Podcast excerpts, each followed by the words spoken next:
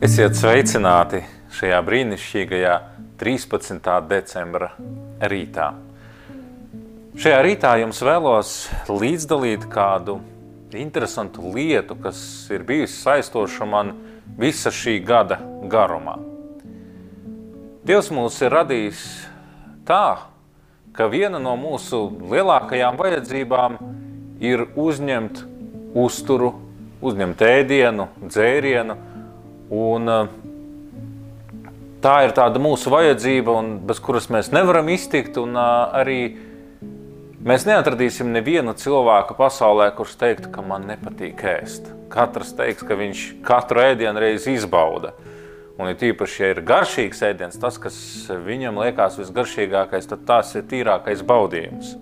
Bet Dieva vārdā mēs atrodam kādas īpašas liecības, norādes par to, ko Dievs domā attiecībā uz uzturu. Pirmā vēstulē korintiešiem 10. nodaļas 31. pantā Pāvils raksta šādus vārdus. Tāpēc vai ēdat vai dzerat, visu dariet Dievam par godu. Šie vārdi tiešā veidā attiecas uz ēdienu un dzērienu, kuriem ir saistība ar elku pielūgsmes rituāliem.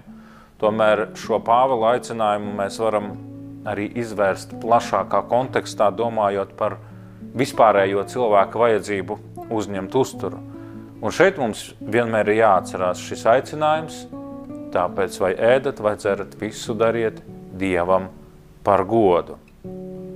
Tas ir ļoti svarīgi, Jo mums kā kristiešiem ir jāapzinās, ka ēdiens un dzēriens, ko mēs uzņemam, tas dod mūsu ķermenim, mūsu miesai spēkus, fiziskos spēkus, arī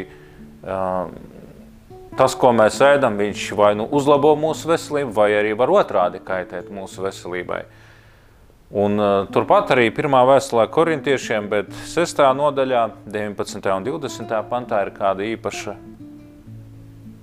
liecība un aicinājums, atgādinājums arī no Pāvila mums, kāpēc mums ir nopietni jāizturās pret mūsu miesu. Un tur viņš rakstā, bet vai jūs nezināt, ka jūsu miesa ir svētā gara mājoklis, kas ir jūsos un ko jūs esat saņēmuši no Dieva? un ka jūs nepiedarat paši, sev pašiem, jo jūs esat dārgi atpirkti, tad nu pagodiniet Dievu ar savu miesu. Tāpēc, ka mūsu miesa ir svētā gara mājoklis visiem Dieva bērniem ir nepieciešams iemācīties, izvēlēties tādus ēdienus un tādus dzērienus, kas sekmēs mūsu prāta un fizisko veselību. Un, ja mēs klausīsim Dieva likumiem, Dieva aicinājumiem rūpēties par mūsu ķermeni, tā skaitā arī rūpīgi izvēlēties ēdienu, tad uz mums attieksies vēl kāds īpašs bībeles apsolījums, kurš jau tika dots ļoti sen. Izraēla tautai, kad viņi izgāja no Eģiptes zemes, atradās tuksnesī, 2. mūzes grāmatā 15. nodaļas 26. pantā. Ja jūs klausīdami klausīsiet tā kunga sava dieva balsī un darīsiet, kas taisnas viņa acīs un ievērosiet viņa baušas un turēsiet viņa likumus, tad es pār jums nelikšu nākt tām slimībām, kādām es esmu licis nākt pār eģiptiešiem, jo es esmu tas kungs, jūsu ārsts. Ja mēs gribam saglabāt savu veselību, Ja mēs gribam uzturēt savus ķermeņus labā stāvoklī par godu Dievam, tad mums ir rūpīgi jāpieiet pie tā, ko mēs uzņemam, kā ēdienu un kā dzērienu. Un eh, šeit mums arī ir, tā ir mūsu šī atbildība, ka Dievs mums ir devis iespēju izlemt pašiem, pieņemt lēmumus, spriest. Un, um, Pirmā vēstulē korintiešiem 10. Mm, nodaļas 23. pantā Pāvils raksta, viss ir atļauts, bet ne viss der. Un te nu ir jāpiemina, ka ir noteikti produkti, kas mums ir atļauti uzturā, bet ne visiem der. Piemēram, es varu līdzdalīt savu liecību.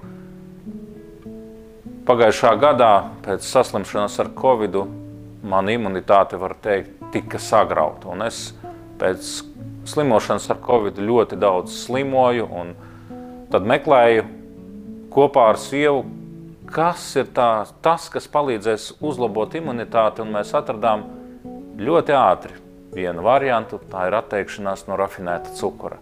Mēs atteicāmies, un es varu teikt, ka tas ienesa milzīgu svētību manā dzīvē, jo imunitāte tik ļoti uzlabojās, kad es vairs neslimoju tik bieži. Ja es slimoju, tad es slimoju vieglā formā, ātri tas viss paiet, un vēl papildus iegūms es tiku atbrīvots no galvas sāpēm, kas mani 20 gadus bija nomocījušas, un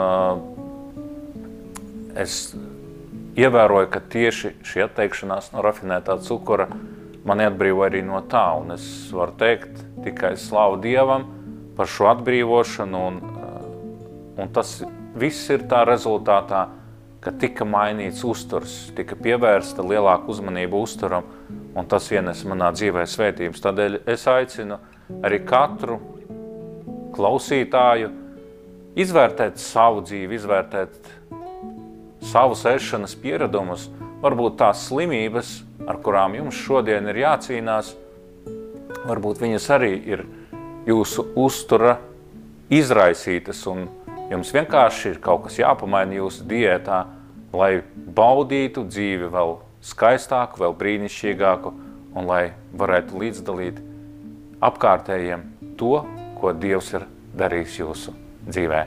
Lai jums visiem veicās! Amen!